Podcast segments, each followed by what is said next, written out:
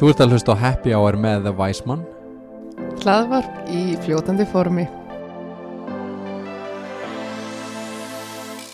Komið þið sæl kæru hlustundur og verið hjertalega velkomin í Happy Hour hlaðvarpið sem er í fljótandi formi og eh, það er líka nafnið á þætti dagsins í fljótandi formi þar sem væsmann fær til sín fólk úr öllum áttum frumkvöla, framleiðendur eða aðra spekulanta sem eiga það sammeilegt að vilja spjalla um áhugaverðar veigar í fljótandi formi. Þátturinn í dag í bóði Reykjavík Her í Borgatúni sem er hárgreyslu stofa Væsmenn. Nú landi frá Reykjavík stili sem er eh, feskur ilmur af íslenskri náttúru og eini löglegi landin á Íslandi.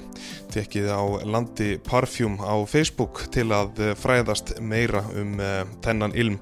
Nú blómabúðin Dögg í Hafnafyrði, einstaklega hlíleg blómabúð sem verðt er að gera sér ferð til að heimsækja og fáðið kæru hlustundur 15% afslátt af vörum þar ef þið segið að væsmenn hafi sendt ykkur þangað. Blómböðun tók uh, sér einnig um innpökkun á öllum leikjum væsmenn. Þá að máli málana í uh, þáttinn í fljóðandi formi eru mætti tveir fulltrúar frá T-félaginu. Það er út að segja að T-félagið uh, séu brautriðendur á margan hátt og má segja langt á undan sínum samtíma hvað þjónustu stig í T varðar. Til að uh, undirstryka það enn frekar, þá sendi T-félagið T heim í gegnum brefalúna hjá þér á samt uh, öðru. Nú sérfræðingar í uh, T í orsins fylgstu merkingu og hefur varan þeirra sparkling tí slegið rækilega í gegn á undanfjöldum uh, mánuðum. En það er ekki skrítið þar sem um er að ræða freyði vín, freyðandi te án áfengis sem haga sér á nákvæmlega sama hátt og kampavín. Ekki vittlust það. Væsmenn reytti við þau Solrúnu og andra og fekk að fræðast meira um starfsemi te-félagsins. Uh, Solrún Marja Reginsdóttir og Andri Árnarsson frá uh, T-félaginu eru hjertanlega velkomin í Happy Hour Takk hjá Takk fyrir. Hvað segir þið? Gott, Mjög takk fyrir að, að fá okkur í þáttinn og að heiður að, að, að fá að spjalla við þig um te og Ég er bara, Og takk he fyrir- heiður henni minn sko takk fyrir að sína þessu áhuga Við Já. erum bara, eins og vorum að ræða það, við erum búin að hlusta á þig núna síðustu daga og, og vikur og bara ótrúlega gaman að fá hana þáttinn í flóruna og fá að kynnast hinn og þessu úr, úr fljótandi Eh, Veigum í fljótandi formi. Veigum í fljótandi formi. Nákvæmlega, takk fyrir það. Þetta er uh, klálega möntun á þessu og, og maður þarf einhver, það þarf einhver að hlaupa í skarið Algjörlega. Herðu, hérna eh, sko, við erum komið til hérna fyrir fram okkur. Það er náttúrulega við hæfi. Uh, Svona, hvað erum við að tala um hérna? Ég hérna ákvað að koma með grænt te Já. sem að er sko ekki einu svona mitt uppáhald en þetta er bara svo opaslega gott grænt te. Ok, Að þetta sigrar sko jafnvel harðasta uh, tedrykkjumann sem, já, svarta segja? Já, þetta, þetta er uh, mikið gæða te fengið frá góðum vin okkar uh, sem að fer bara og, og ferðast um tehjöruðin í Kína. Hann sér velur öll te. Við höfum ekki ennþá haft tökka en það er samt það uh, vorum að skjóta inn hérna litlu skoti á hérna, Instagram þar sem að sýstar hans Andra, hún heitir Alma Alma Guðni hún var í Sri Lanka og var um þetta að kynna sér til ykkururnar þar.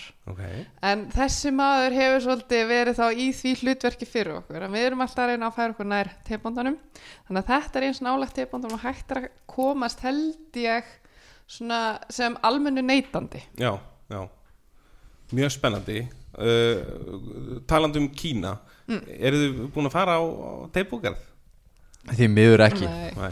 En það er á dagskrá. Það við, er fæðilegt að segja frá því sko. En við höfum alltaf, þú veist, í upphafi þá, þá auðvitað, höfðu áhuga á tegu og, og draumurinn er að geta farið og keift beint frá bónda. Já, um, en það er ekkert svo auðsótt en við höfum bara treyst þangað til núna á, eins og Solnú sagði treyst á fólk sem er að fara og heimsækja og, og skoða og smakka og kanna aðstæður og, og erum að fá alveg ótrúlega góð hrein te uh, í gegnum þá samstagsæðila um, og meðal hann þetta græna sem þú ert að smakka núna. Já, um, sem er bæði við geggjað. Já, frábært.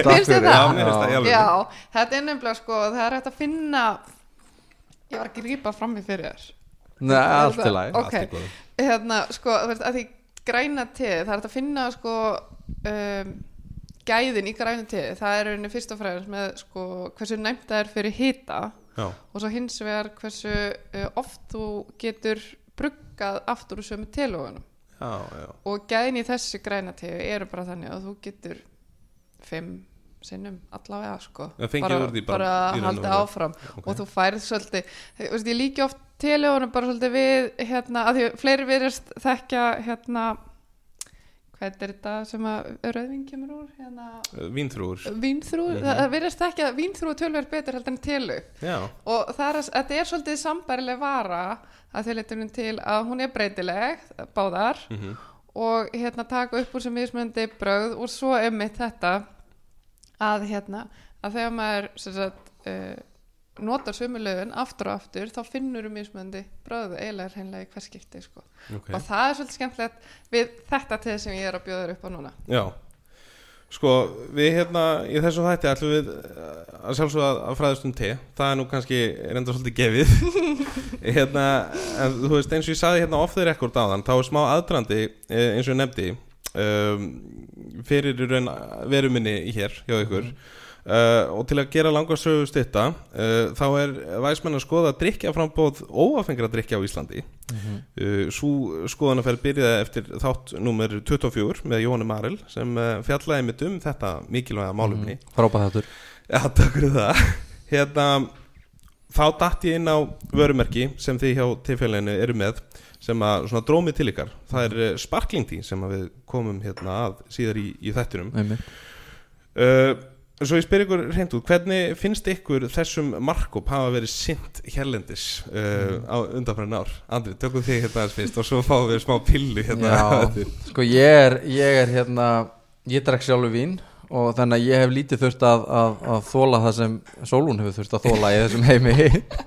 Búðu ykkur undir svak en við, auðvitað, ég hlusta á þáttinn eitthvað Jóhans og hann er bara mjög svona skemmtilegur og hann kemur inn á allt þetta sem sem maður sjálfur hefur veist, upplifað í gegnum sólunu og þegar maður sjálfur er allar að velja það að drekka ekki vína það er auðvitað fátt í bóði Já, oft er þetta sótavatn og ginger ale og einhvað slíkt og, og, og ég bara fagna því að, að þið séuð að taka þessu umræðu og mér finnst fleiri vera að að skoða þessa valmöguleika og mér finnst- þessi stóru og það sem skiptir náttúrulega máli er þessi stóru framleiðendur fara líka sína þessu áhuga. Já, um, og þar sér maður bæði aðal í bjór núna til að byrja með þar sér maður náttúrulega alveg ótrúlega skemmtilega hluti vera að gerast. Ég var að tala á hann um, um hérna að Brúdok hafi verið að opna bar í London sem er alkohólfrýr, það er ekkert í bóða annað en það er, er stórt er sko. skref og það hefur áhrif og það líka er svona ákveðin viðurkenning fyrir aðra að, að þú veist, þetta sé ekki bara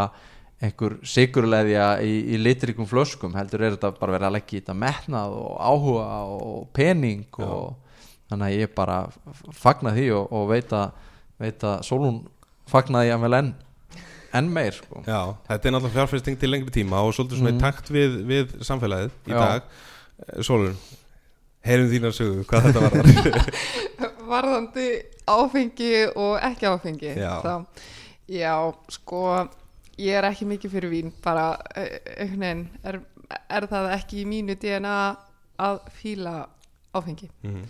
uh, ég fæ mér stundum einn eða tvo sopa og það er kannski ef ég er í góðu matabóði eða okkur um góðum veitingastað og fólk er að drekka vín sem að þykir ofsalega gott. Já, þá þarf ég oft kannski að fá einn lítinn sopa bara svona aðeins þess að komast inn í umræðinu sko, Já, þess, já. hva, hvað er það að tala um? En ég hef kannski líka heldur ekkert endilega mikið til málan að leggja þar. En sko sem hérna einmitt, konan hans andra hann er mikill matmaður og, drefa mig út um sko eiginlega bara allan heim á góða veitingastæði þá hefur þetta svolítið svona uh, já, við erum svona smá slagur hefur komið einu svona upp það sem að bara það, það, það, það stóð já, já, ég veit ekki hvernig ég voru þetta. En allavega, þú veist að þá er þetta er bara hluti af stemningunni þegar maður fer að borða að maður fái góðan drikk með. Algjörlega. Og þetta það, þú veist, að ég drekki ekki heldur gós mér finnst það ekki gott. Að þá er þetta eiginlega annað hvort vatn eða sótavatn sem að stendur eftir fyrir mig fyrir utan það að ég fæ mér stundum te með, með mat. Já, mér finnst það líka mjög skemmtilegt. En svo er það reynda líka sko, hinn pillan sko að síðan hvort að síðan þessi góði veitingastæði serveri og kunni að hella upp á góðan tepalla það er síðan a- a- já, Allt a- annað. annað mál Já, sko. já. en þetta hérna fyrir mér þá leysir sparkling tí þennan uh, anga af þessu veist, eins og á árumótunum að hérna þá var ég bara með minn matardrykk sem er þá bleika flaskan frá sparkling tí mér finnst það að vera bara eitthvað albesti drykkur sem ég hef smakkað. Já, þurr og hérna eins og þeir lýsa hún sjálfur já, þeir tala um að þetta sé þurrasti drykkurinn þeirra af þeirra fimm flöskum sem þeirra bjóða upp á. Þannig að þetta er þetta er bara uh, akkurat það sem ég er búin að vera að leita að í mörg ár sko. já. En síðan, síðan líka er, það virðist vera og, þú kannski þekkja það betur og hefur unnið og, sem þjóttn og, og en það virðist vera líka daldið uh, veitingastæðar og kann- kannski kunn oft ítla að taka og bjóða velkomin fólk sem velur það að drekka ekki en þess að eins og Sólún hefur líst oft fyrir mér að, veist, og ég hef upplifað það er bara oft slagur að halda vinglasin Já, nákvæmlega. Maður vill, hérna, þó maður sé ekki að drekka vína þá vill maður drekka úr glasi á fæti og vera með í stemmingunni og slíkt og það er bara ekkert alltaf í bóði að, að halda vinglasin Nei, mér finnst þetta ótrúlega góð pæling og þetta er svona rann bara svolítið upp fyrir mig þegar þú sagði mér þetta hérna aðan að sko uh, í gegnum uh, minn 15 ára feril uh, þá, og ef ég hugsaði tilbaka þá, þá vantar kannski bara verklagsreglur uh, fyrir þennan markup hvernig í raun og veru, það er eitt Já. að vera með, með úrvalið Mm. uh, en það er annað bara hvernig það er að byrja það fram. Já, þetta er svolítið veist, og svo að því nú eru nú, nokkrir af okkar veitingastöðum þegar ég segja okkar þá er það bara sko, við byrjum að bjóða veitingastöðunum upp á sem er í viðskiptum hjá tefélaginu og er að servera tegin okkar veist, það var bara auðveldist aðgangur fyrir okkur að hafa þannig samband við þess að veitingastöðu að bjóða upp á sparkling tí og við erum búin að fara á suma af þessum veitingastöðum og það er algjörlega frábært fyrir mér að hérna þjóttning kemur með drikkjabakkan og þetta er allt glös og fæti. Hinn er já, alltaf í áfengi, rauðvinni eða hvítvinni en ég fæ minn ófengadrykk líka Já, á sama. Já. og þetta er bara, mér finnst bara svolítið það, það er búin að hleypa manni inn í ringin, sko, inn í. Já. Þú ert ekki outsider Nei, Já, nei, nei, já. um eitt og sko veist, eins og þegar maður veist, ég hef farið maður fer til dæmis á grilli þar sem maður fer í djúspurun með mat mat Já, já, seðli einmitt, eða einmitt. svoleiðis að hérna við erum alveg til í að borga hérna fólki sem er þóttu við sem ekki að drekka áfengi þá er maður til að borga fyrir drikki sinn. Já, þannig að fyrir mér myndi ég segja fyrir veitingagerin þá er þetta algjörlega vannýtt auðlind. Mm algjörlega. Að því markópurinn fyrir stækandi já, Uh, en í samenginu með, með grillið þá verð ég nú að henda í sjátt á hana telmu því að það er Já. náttúrulega bara hrikalega flott það sem hún er að gera það hún Já. er bara algjör í þessu að- búa til flotta pörun, óafenga pörun. Já, Mjög við, erum, við erum opaslega þakklátt á ánað með hann og, og samstarfi við hana sko. Er alveg og enn sem komið er þá, þá hérna, sko veitir til þess að stórvinum Gísli Mattias er að gera þetta í Mhm. Já. en hann náttúrulega veitingast það sem eru bara opinn í raun mjög takmarkan tíma á Já. árinu já, já, uh, skál uh, er með hérna, eitthvað áfengu já, uh, en þú veist, þetta er bara mínum alveg veitingastöðunum í bænum já sko. ég- maður veit að og þessi, þessi flottu veist, þessi, þessi stó, stæðstu staðir í, í dilli er að bjóða upp á áfenga, á og, og við erum með við, við erum með bæði bleiku og rauðuflöskuna eh, hún er á óks bæði í óafengur pörun í, í fordrykk og svo með desert ef við erum að para rauðavínið um, þannig að bara veist, okkur hlakka til að, að fylgjast með hve- hvernig þetta vex og, og þróast og ég efa það ekki að, að þessi umræða ykkar á líka eftir að hjálpa til þar að, að kynna veitinga fólk fyrir, algjörlega. fyrir valmöguleikum. Og, uh, og náttúrulega koma því svona svolítið á framfæri að þeir séu með þetta í bóði sko. Já. það er náttúrulega mjög mikilvægt það er eflaust, þú veist, ég tek þannig einhver nokkuð nöfn en síðan náttúrulega eru eflaust fleiri með einhver option. En, en svona, markkópinu þarf að vita því. Já, Herru, þetta er mjög áhugaveru flokkur alveg klálega Já. og, og flokkur sem á fullt inni og munum við tala meira um það hér á eftir uh, ég er nú búin að gera hérna smá heimavinnu um tefélagið sem er virkilega flott fyrirtæki hjá ykkur. Takk fyrir. Hérna, allar fyrst langum við til að byrja á byrjunni og svona aðdraðandunum að opnum tefélagsins og svona við byrjum á þér. Svona þrátt fyrir að te fallir svolítið í skuggan á kaffi hér á Íslandi það áttar sig kannski allir á því að te er langvinnsalisti drikkur í heimi að vatni frátöldu Já, þetta er Já. alveg svolítið skemmtileg er hvað, hvað, hérna, hvað kemur þinn eh, áhugi á, á te? Uh, bara frá mömmu sko. Uh, mamma drakk alltaf ölgrei og rosalega mikið. Ég, einhvern mín minning er bara af henni að hella sér upp Já, en hún var í pókatíðinu já, og uh, við fórum líka út mikið á kaffihús og svo leiðis og uh, mín minning er líka bara af henni, þú veist það sem að hún fekk hann kassan sem opnast og það er Já. eitthvað pókatí og hún valdi sér upp úr. Á meðan kaffi, hérna, pappi minn sem drekka mikið, eh, ekki mikið, drekk kannski kaffi já, hann fekk góðan kaffibólla og hérna svo ég veit það ekki. Þetta, já, þetta kannski er eins og með hérna, áfengið, áfengið er ekki mínu DNA Já, en, en teð klárlega sko. Það hefur svona fengið þína aðtíli já og það bara sko ég drekka alveg kaffi. Og við erum heldur ekki að segja fólki að ekki drekka kaffi sko, við erum bara að bæta þessum option við, stundum langar mann kaffi og stundum te. Mm en uh, ég held að ég drekki cirka 8-9 bolla af te á hverjum degi. Já, en veist, ég fatt að líka sko, nýkomur úr fæðingurólufi að veist, ég held að ég væri ekkert að leita eftir koffinu en svo eitt tíma þá var ég óvart bara búin með allt teð mitt á sama tíma eins og gerist stundum hjá manni. Og heldur mér upp á jurtaseði sem að er með yngu já, og þá fatta ég bara, wow, hvað þetta gerir ekki neitt fyrir mig. Já, veist, þannig ég er, sagt, ég er alveg að leita á koffinu og, og það er klárlega þessi áhuga minn á svarta teinu. Já, fatta ég eiginlega sagt núna bara Já. 20 árum setna eitthvað. Að, að það er klárlega sem að mér þykir gott og svona rífum mig oft í gang þegar ég þarf þess. En svo er náttúrulega, var náttúrulega bara ótrúlega skemmtilegt sko að minn til bakgrunur veistu, hefur haldist frá hann að mömmu og veistu, hefur oft keft mér laust lúslíf tí lauslöfa te Lauslega te, það er gott ég, orð. aldrei, ég hef aldrei að þetta þýða þetta yfir á Það er mjög gott orð.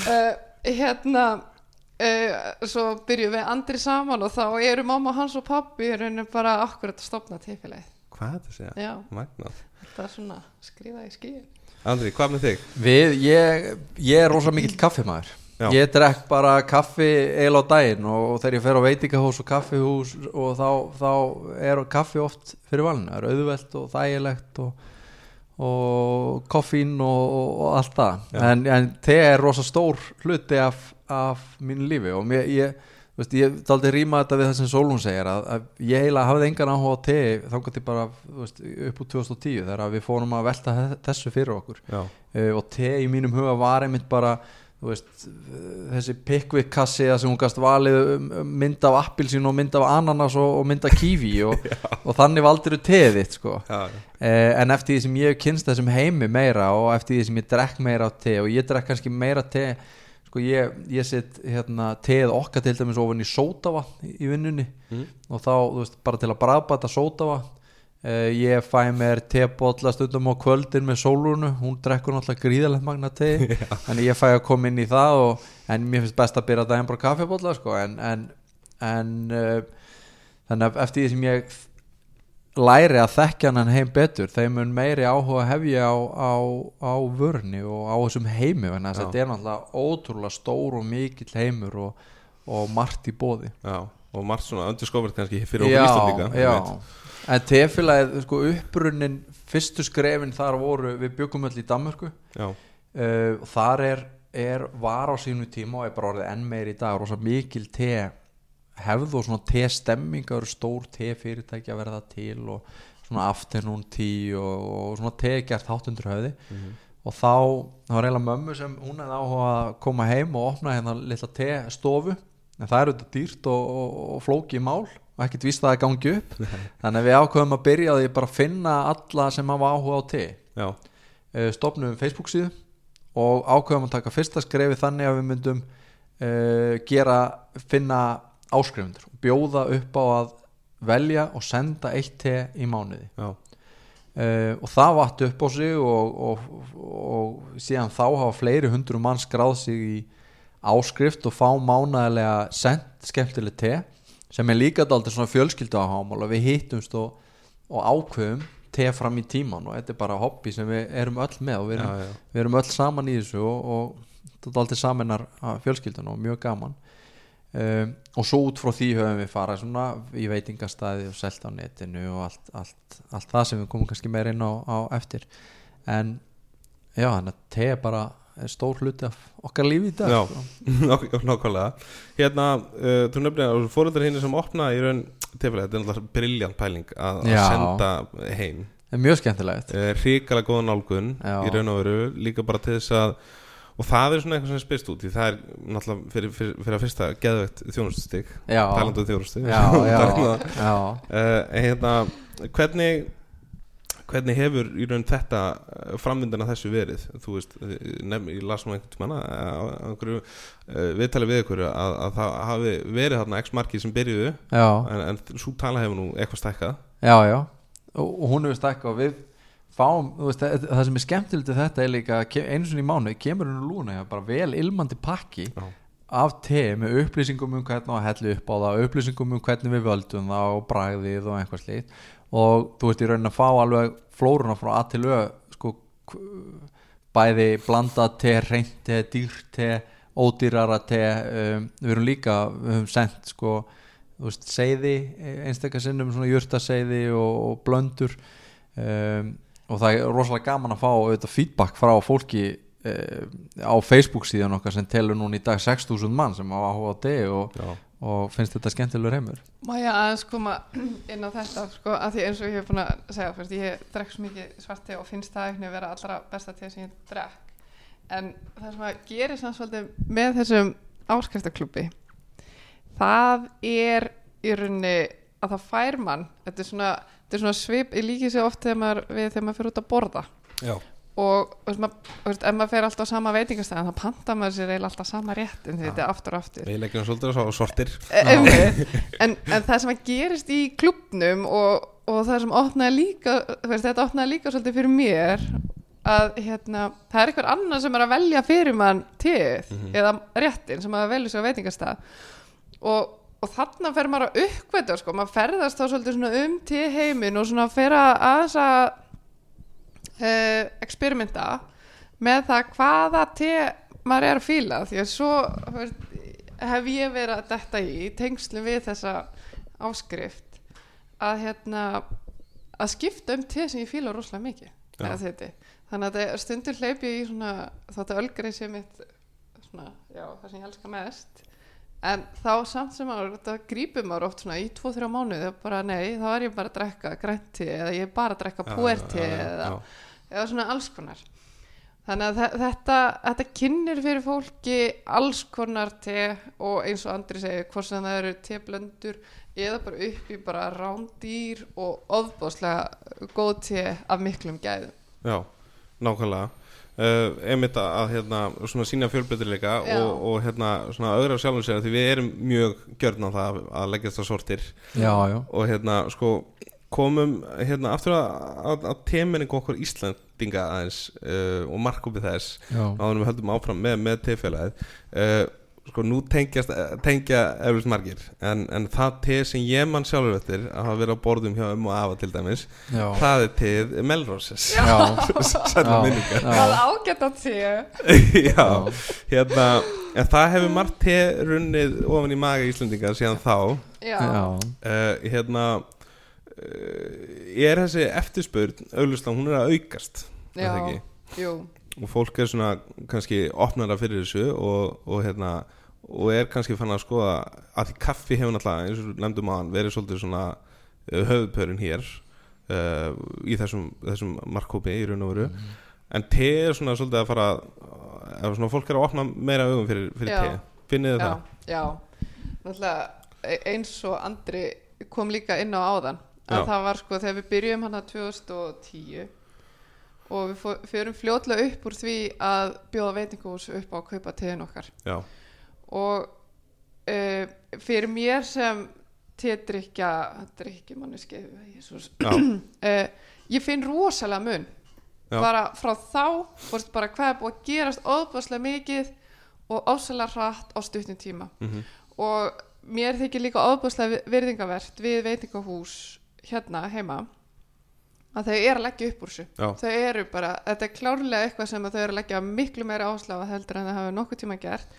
Þau eru að vanda sig og um, við bjóðum upp á til dæmis til kynningar og þjálfun fyrir starfsfólk einmitt. til þess að hella upp á gott Já, sem er alltaf líkill. Það er fjárfesting samt sem áður. Þau, þau, þau þurfa náttúrulega að, að bóða sitt starfsfólk á, á fund með okkur. Já, þannig að já, þetta, er, þetta er allt annað. Mhm, og mér þykir það vera undan tekning að mér sé búið upp á te í póka í dag. Já, Ég held að sé líka uppalega líka þú veist, var markmiðið að, að svona búa til meiri testemming og auka þess te-menninguna. Já, já. um, og ég, það er alveg eðlilegt og það eru sumir sem eru bara með vonda minninga tengt að tefu vegna þess að fyrst, fyrsta reynslan var Melroses póki og allt gott að blessa með það fyrirtæki og, Og sko, og mjólk. Já, og mjólki og jafnvel sigur og, og, og, og þau fyrirtæki eru líka farin að bjóða upp á betri te Já, og svona en,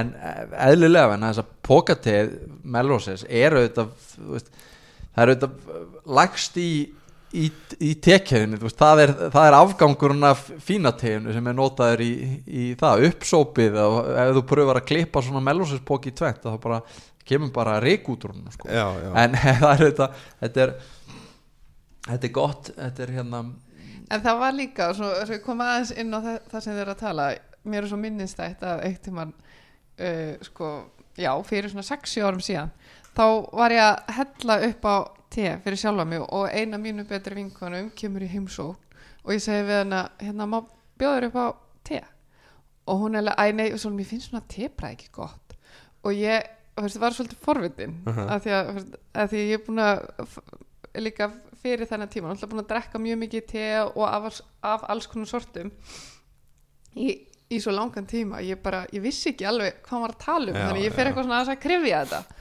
og þá kemst ég að því að hérna, þegar hún talar um tebræð þá er hann að tala um rammabræði já, biskir já sem að maður vil alls ekki hafa og ég bara nei, nei, nei, nei, nei, nei það er ekki tebræð Nei, og hérna sko, þá eiginlega svolítið skildi ég hvað fólk er að tala um þegar það þykir eiginlega ekki til gott. Já, og svo var það hitt sko, þú veist, þegar ég séðan held upp á tebólla og hún bara ljómaði sko, og hérna fannst þetta svo gott. Já, þannig að, að þetta er klárlega líka það sem að við höfum verið að reyna að koma inn á og að, að segja fólki að ef það finnur ramt bræð mhm, þá er annarkvort eitthvað aðtíðinu eða eh, bruggunin hvernig þú heldur, heldur upp á til það var ekki alveg gert. Það staði vel að verki er að já, verki það var ekki gert alveg samkvæmt uppskrift. Mhm. og svo er þetta bara eins og með allt annað þú veist, við erum með hérna ólífi fyrir framann okkur þú veist, það, er til, þú veist, það er til rusl og svo er bara til gæða te. Eh, og uh, þú veist, hing, þú veist, það er oft talað um svona pókate og lúslíf tí og það er hægt að fá mjög góð te í pók, pókate Mhm. en ástæðan fyrir því að flest þessi gæða te eru svona lúslíf eða lauslaufa að það er hérna eh, bara þess að það eru hreinutegin og þau eru heil og það er að stjórna þessu upplifunu og hvað þú hefur mikið og hvað þú hefur lengi og svona og meðan pókate eru náttúrulega handtæg og þægileg já, og það er alveg virðingavert af, og bara stór sjátátt á, á veitingastað og kaffihús og hótel sem leggja mikið upp úr þessu en það er hellingur af fólki sem drekkur te og vill fá veist, vill fá sama trít og, og þeir eru verið að, að bjóða upp á kaffe því að eins og kaffiheimurinn það er mjög hérna, vandað oft og fjárfest í dýrum vélum og þekkingu og námskeiðum og góðu kaffi og svo mæti teið afgangi af því að það er alveg hægt að þetta bara stundum er te bara búið frítt með í dilnum eða þú ert að kaupa kaffi eða kaupa vín eða eitthvað Já, svona. já. þannig að það er alveg fjárfesting að kaupa gott te. En ég held að fólk kunna að meta það og ég held að hérna, te frambóð í Íslandi er orðið frábært. Já. mjög mikið af, af áhugaverðu um, áhugaverðum vörum og, og, og góðu te. Sko, hérna finnst ykkur þetta hangi svolítið sama með svona vitundavakningu samfélagsins í að, að þú veist, borða hreitna velja betra hráöfni og almennt hugsa svona betur um það sem við látum ofan í okkur. Veist, er, er te heiminu svolítið að, að gagnast að þessari þetta er nú svolítið mikið í náttúrulega. Já, er, er, er þetta þetta svolítið saman eða?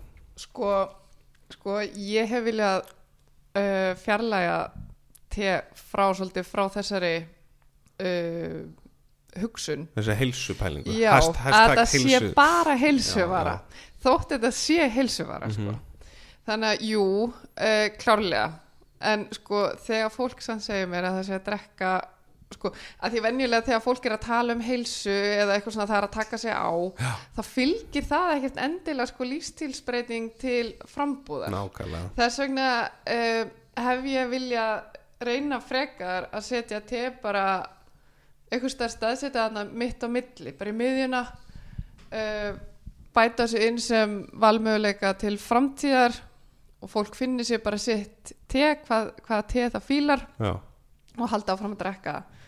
En klárlega, þetta er hilsuvara sko. það finnast alls konar vítamin í þessu A, D og E-vítamin sem dæmi sem að fyrst, fyrirfram held ég til dæmis að það væri ekki Nei, ok, það er mjög áhugavert.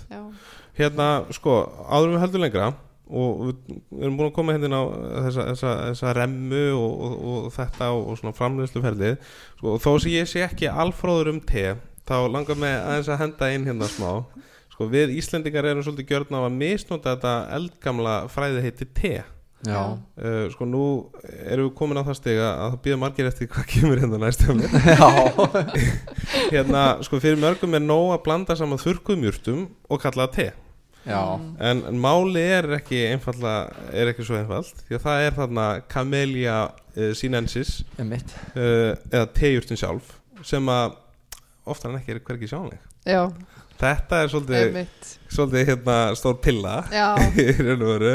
En sko án hennar í raun- erum við raun ekkert erum við bara með jurtasið eins og nefnir? Já. Sko, er, er ég í, ruglunum með Nei. það Ekki alveg Nei, a- þér? al, og þetta er Eh, oft Þetta er flókið satt sko, þetta er, þetta er nákvæmlega sem þú ert að segja sko.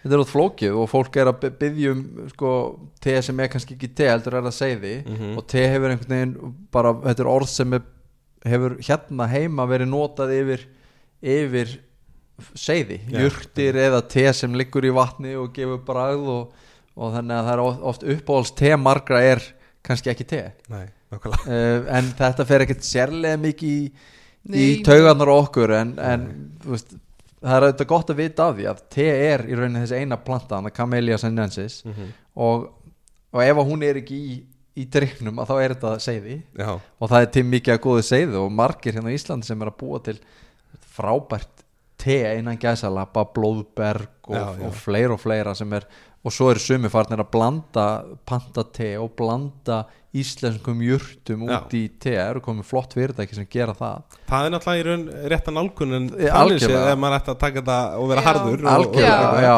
og mjög góðar vörur sem er að verða til þar Já, en te er, er þessi, þessi planta og, og, og hennar, hennar mörgu mörgu, marga, mörgu byrtingamyndir já, Já, en það má líka kannski segja sko að því að eh, fyrir mér er einhvern veginn bara það sem að ég neyti er eiginlega bara hvað, hvað mér líkar við. Já, uh, þegar það er samt síðan sko svona blandað úti í eins og varst að lýsa þarna uh, þá eiginlega finn ég aldrei tebræðið nei, eða tebræð, já, nú, já. Jú, þú veist, ég finn allavega gífulegan mun á þessi, þetta er ekki Camellia sinensis eins og við myndust á. Já Sko, er, er hérna er kannski ekki líka bara svolítið markaðslegar ástæði fyrir þessu Jú, ég held það Te er náttúrulega bara selur kannski svolítið meira en Já. seiði Já, ég ætlaði einmitt að fara að segja það sko. ég, ég sé ekki fyrir mér að ég fari Opni seiðisfyrir Já, ég nefni Seyðisfirði?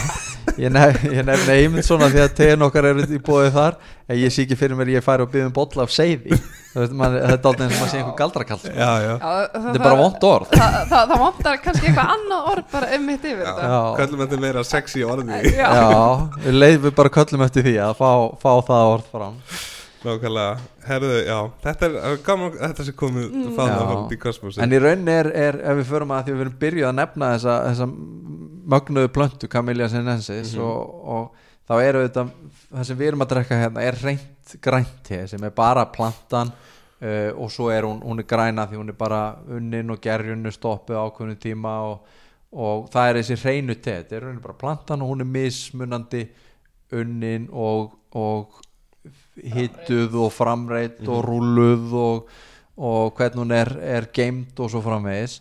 Um, en síðan er næsta skrifa eftir því að þá er hún bragðbætt það er eins og Earl Grey og þar er sko Ölgrei Brabant með svona bergamont olíu og svo eru alls konar hérna við, við bjóðum upp á ávaksta te sem er, sem er grænt te Brabant með alls konar ávöxtum og, og bræðgjöfum já, og svo eru seiði sem eru tilheyra auðvitað þessum flokki en er ekki með plöntunni. Já, og svo eru auðvitað mismundi gæðaflokkar. Eh, veist, það eru hérna, það er að finna mjög sjálfgjafar staðsetningar þar sem teplantan vex eða hátt upp í fjöllum að sem er erfitt að hann eða vex við mismundi skilirið þannig að það er að kaupa te sem eru mjög dýr og, og, og flott og svo eru líka hægt að kaupa te sem eru ódýrar sem eru kannski bara annar hluti af plöntunni og vex kannski við aðrar aðstæður og er, er pikkuð Já. við öðru sig aðstæður og svona. Þetta, þetta minnir mig alveg óbúslega mikið á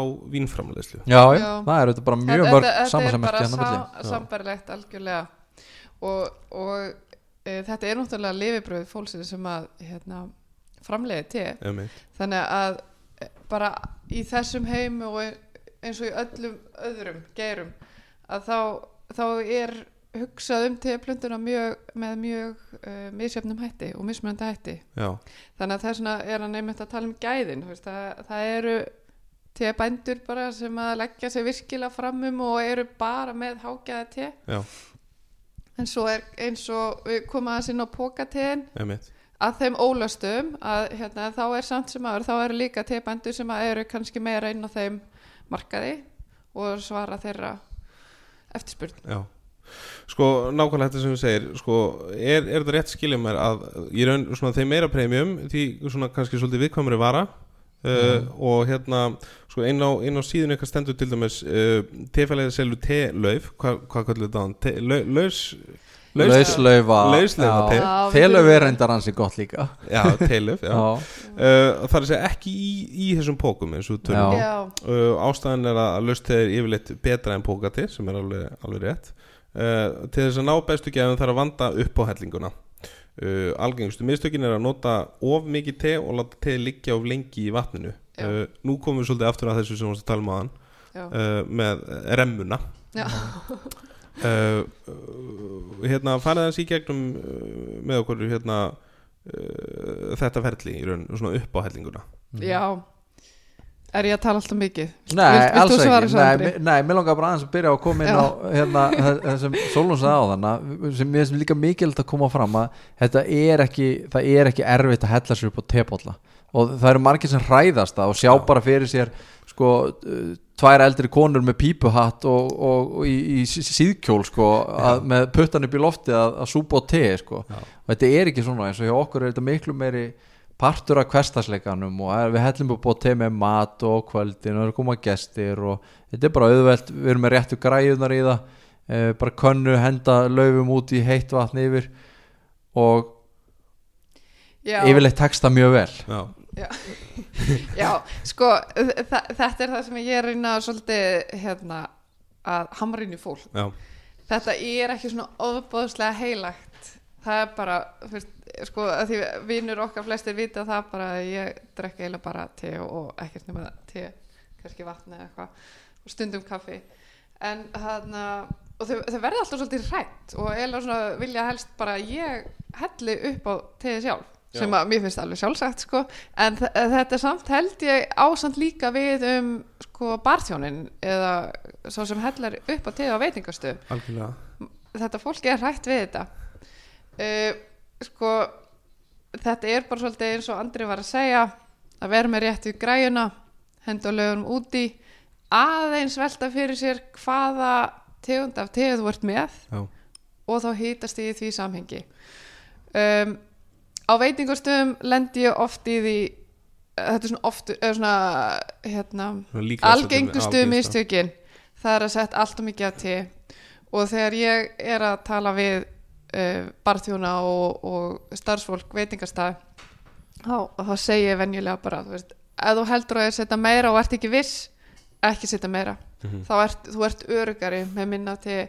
Og það getur líka bara þú veist, maður getur alveg dassa bara smá te út í aft, eftir á ef manni líður sem svona, nei það, það, það, þetta er ekki nú bræðstört eða eitthvað. En þegar það er sett of mikið af te, telöfum úti að þá maður svolítið svona kapnar Já, veginn. það, þetta að vera allt og yfirþyrmandi. Þá kemur sér ramma bara mjög fljótt. Rammabræði Og- kemur mjög fljótt. Þa, það er svona helsta ástæðan fyrir að fá rammabræði það er að þú situr úr mikið af til löfum úti og það er, þú veist, þetta eru þrý, þrjú aðri og þetta er, eins og sér það á umbúðunum og þá er, er, þetta er yfirleitt tekið fram bara á öllum, öllum tegumbúðum. Og því miður að þá er það þannig að veist, þetta er ekki eh, oft er eins og með kaffi að þá er þetta eitt takki og þá kemur bara góður kaffibólli Mhm. það eru til vélar sem búa bara til frábæran kaffibólla og, og náttúrulega starfsfólk sem er ótrúlega fært í að búa til gott kaffi.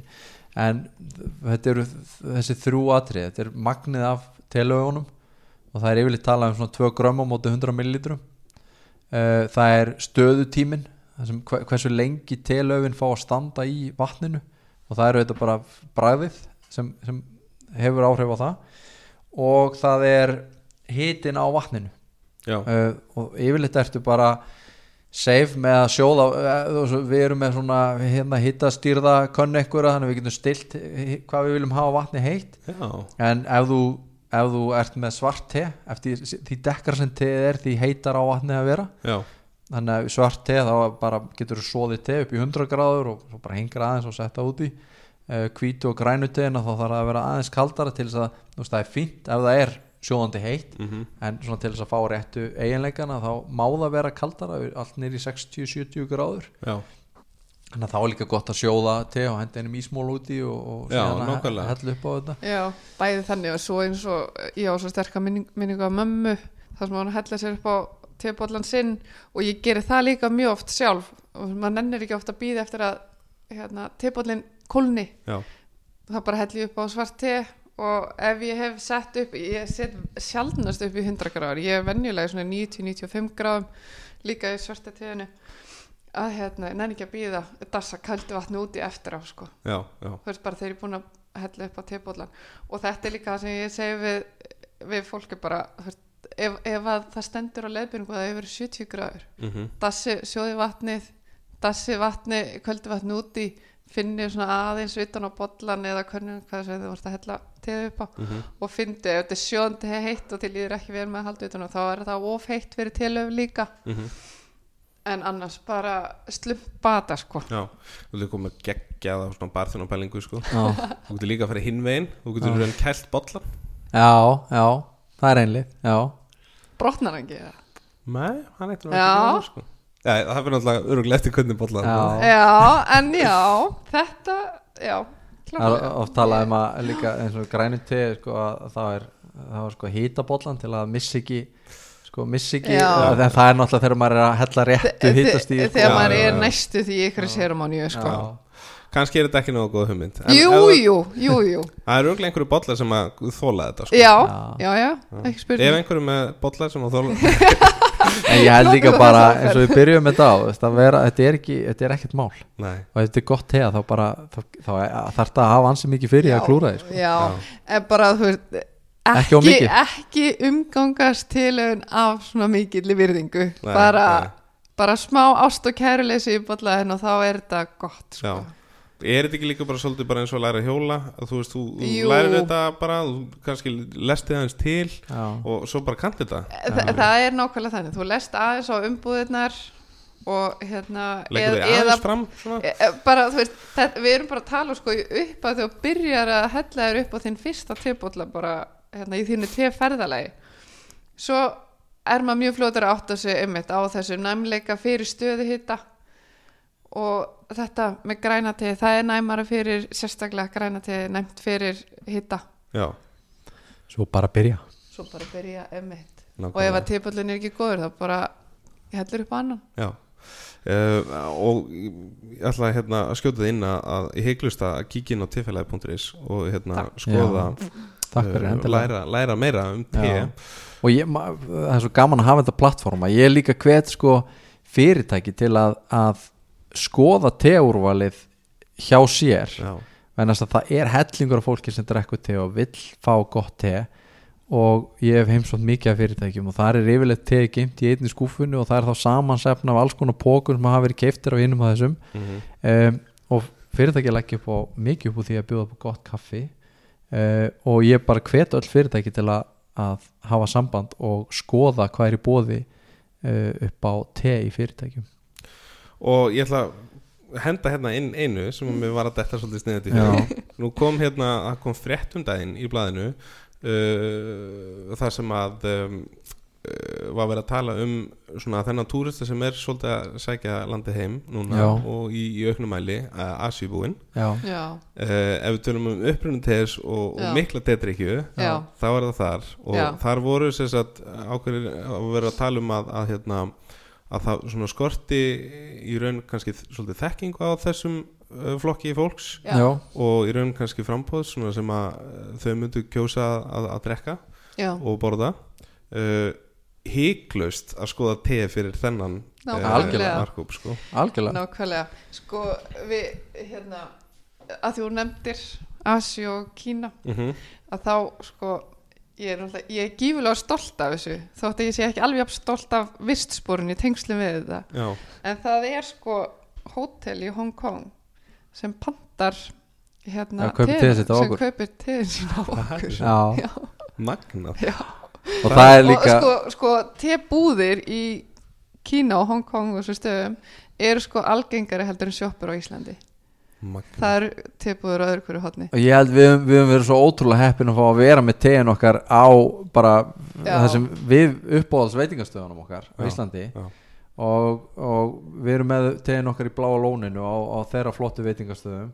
Og það er náttúrulega gríðarlega mikið magna ferðamönnum sem, sem koma við og fá að smakka og við erum að senda oft til Bandaríkjana og eins og Solon segir til Hong Kong og á fleiri staði bara vegna þess að, að, að viðskiptavinir Já. þeirra veitingastæði upplýðu það sem þeim þótti gott Já. og panta þá ekki ennum síðuna og, og það, er- já, við erum ekkert sérlega stolt af vissborun en það er mjög, mjög gaman að senda te til Hong Kong í, í, í, Þó að það komi maður upp trúir úr- þessu ekki Já. við trúum þessu ekki fyrst við heldum, ek- heldum eitthvað vera að grínast í þessu já. en þá var þetta einmitt hérna um, ferðamæður sem hafi komið til Íslands sem að greinlega starfar hjá þessu hóteli já.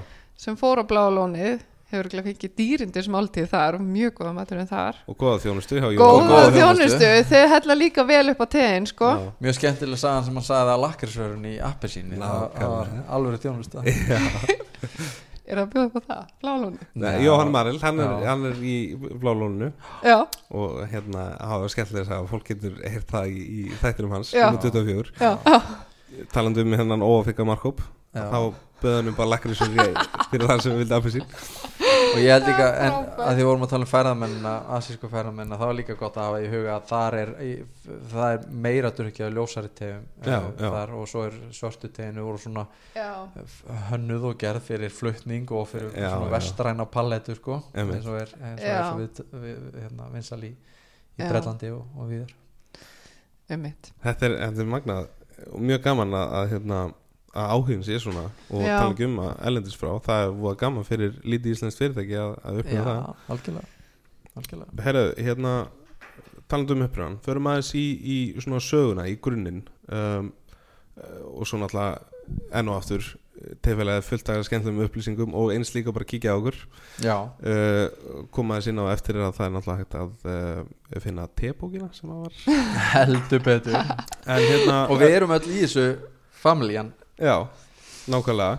Hérna, sko tetrukja var, var auðvitað ekki fundin upp í síðustu viku. Uh, Nei. þannig heilmikil saga.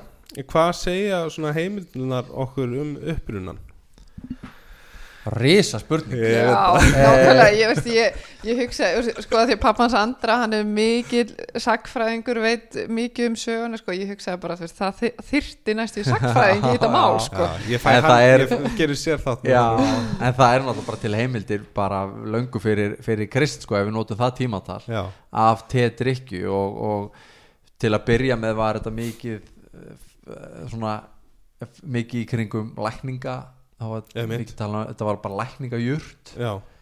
Um, og síðan er, er uh, þúsund ára heimildir fyrir því að það var nú bara síðast í 2016-17 sem, sem fundust svona skriflegar heimildir fyrir tetrykju löngu fyrir, fyrir krist í, í, í svona það sem, sem hugmyndin var að njóta drykjarens en ekki í eh, hérna já. og einhver saga sem ég heyrði, ég man ekki hvort hún er í bókinni uh, að þá, þá var, var það rakið til að það hefði telau fókið hún í bollan hjá einhverjum keisara og þannig hefði þetta uppkvöldast en, en það er góð sagan, ég er ekki vissum hún sér sönn. En síðan færist þetta, veist, þetta mikil framleiðsla á Indlandi og, og, og færist svona með með, eh, með Portugalum held ég til að byrja með eh, til, til Evrópu og, og þar síðan tekur te og Bretland hefur náttúrulega verið sama sem merki þar á milli í langan tíma og þar svona held ég að þessi vestræna temenning hefjist Já. en í Asíu er þetta náttúrulega bara og Kína og Indlandis bara samofið þeirra menningu og sögu sko. Já, já. Það er greinlegt að ég er ekki alvillust því ég set hérna inn á svo að kýmirar, uh, indverar og englendingar. Já, já. Þrjústi hefa þremur mögulegum. Já, hérna sko en Kína og Indland þar er framleitt 60% af öllu til heiminum Já, sem er selt. Þa, það er sko, ég nefni hérna eins og með indveruna Þeir eru þess að Darjeeling uh, blöndu já, Darjeeling. Darjeeling Yes. já. uh, Það eru náttúrulega að tala um, um hérna, svona teblöndu Þeir eru náttúrulega þekkti fyrir kryddblöndur já, já, Hvað eru við að tala um Darjeeling? Darjeeling er bara frægast til heimi. Darjeeling First Flush. Þetta Það- er svolítið já, kampa æ, Já, bara kampa fyrirgefðu. vín. já, te te heimsins.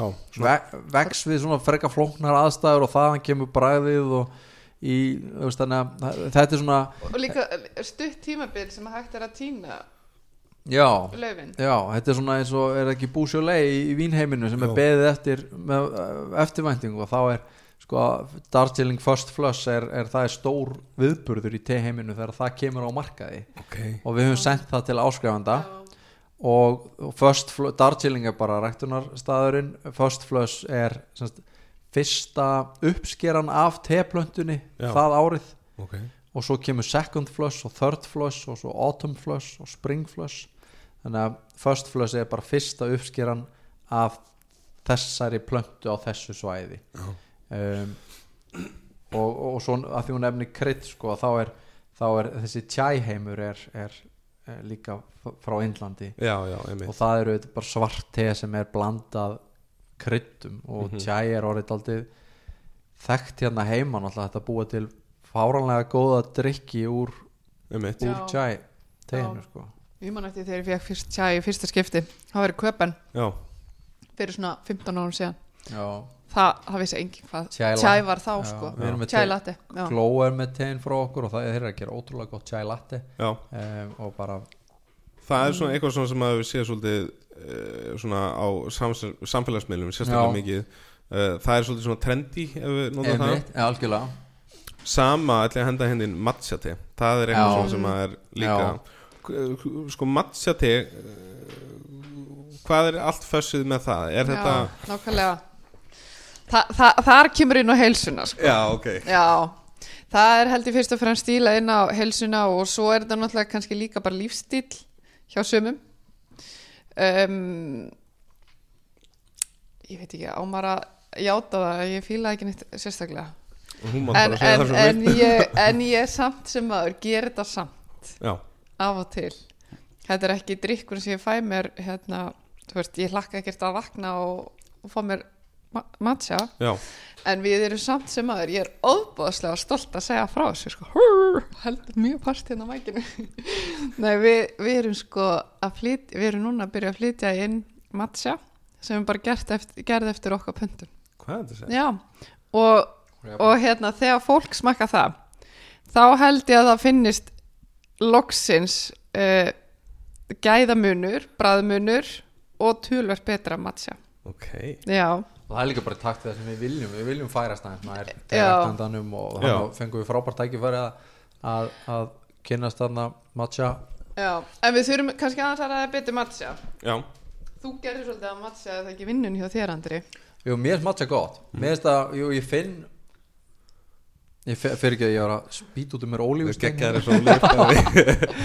Ég finn uh, Ég finn aldrei svona kraft um matcha sko. ok, Og ég, hérna Ég vil líka hvet alla til að kíkja á hérna, Hún Íris í Kúkus Nest og Luna Florence. Já, Hún er algjör meistari Já. Þegar kemur að svona fallegum Tetirikkjum og hún er að gera matcha latte og hún er að gera matcha tonic og, og hún er að nota matcha til mjög skemmtilega í mat og drikk og kokteila og, og, og fleira. Og ég hvet alla til að kíkja á það. Já.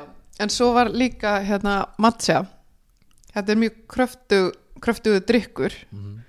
Var það ekki eitt tímann það, það var í rauninni sagt er það ekki, þú veist maður á ekki að neyta ómikil matcha af því að, Nei, mat, að því það eh, reynir bara ómikið það ekki á lifurina Jú, matcha er náttúrulega sko, það sem matcha er óvinnlegt við bara te-laufin er að í matcha ert að drekka alla plöntuna já, í rauninni að þú ert að hún er, þá er hún grándu möli niður já. og þú blandar henni síðan út í vatnið. Mm þannig að í te þá ert að fá bara seyðið af te-laufinu en í matcha þá ertu bara að drekka alla plöntuna já, og með öllu því sem fylgir. Já, og það er alveg um, þú veist, andoksunarefnu og fleira í grænu tei sem er veist, ekkit endilega holdt í mjög miklu magni. Þannig að ég myndi, og það er til dæmis í bandaríkjónum og þá er byrjað að framlega rosa mikið á svona matcha orkudrykkjum og, og það er alveg hægt að overdósa á hotlustunni sko. já, já, algjörlega. En Algjörlega, hún er, sko. já. En svona í kannski uh, ég held að það séu mjög fáir sem að ná, ná þessu að drekka of mikið af matcha já. en hérna ef það væri einhverju þá var það bandrækjumenn en hérna uh, en matcha er sem sagt stútfullt af uh, bara ótrúlega hotlum næringarefnum. Já, hefur þú notað matcha og te í, í koktela, hefur já, þú pröfað það? er nefnilega næsta sem ég held að ræða.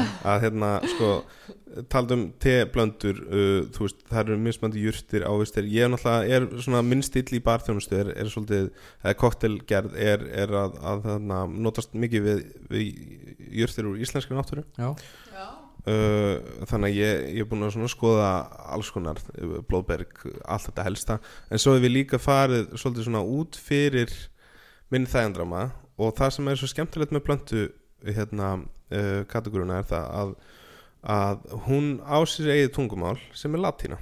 Já, já, þannig að methodið sem ég nota eða bara svona það sem ég hef verið að skoða er að ég finn sem sagt, eitthvað svona skemmtilegt sem er að gerast úti. Það er náttúrulega allt flott sem gerast í útlundum já.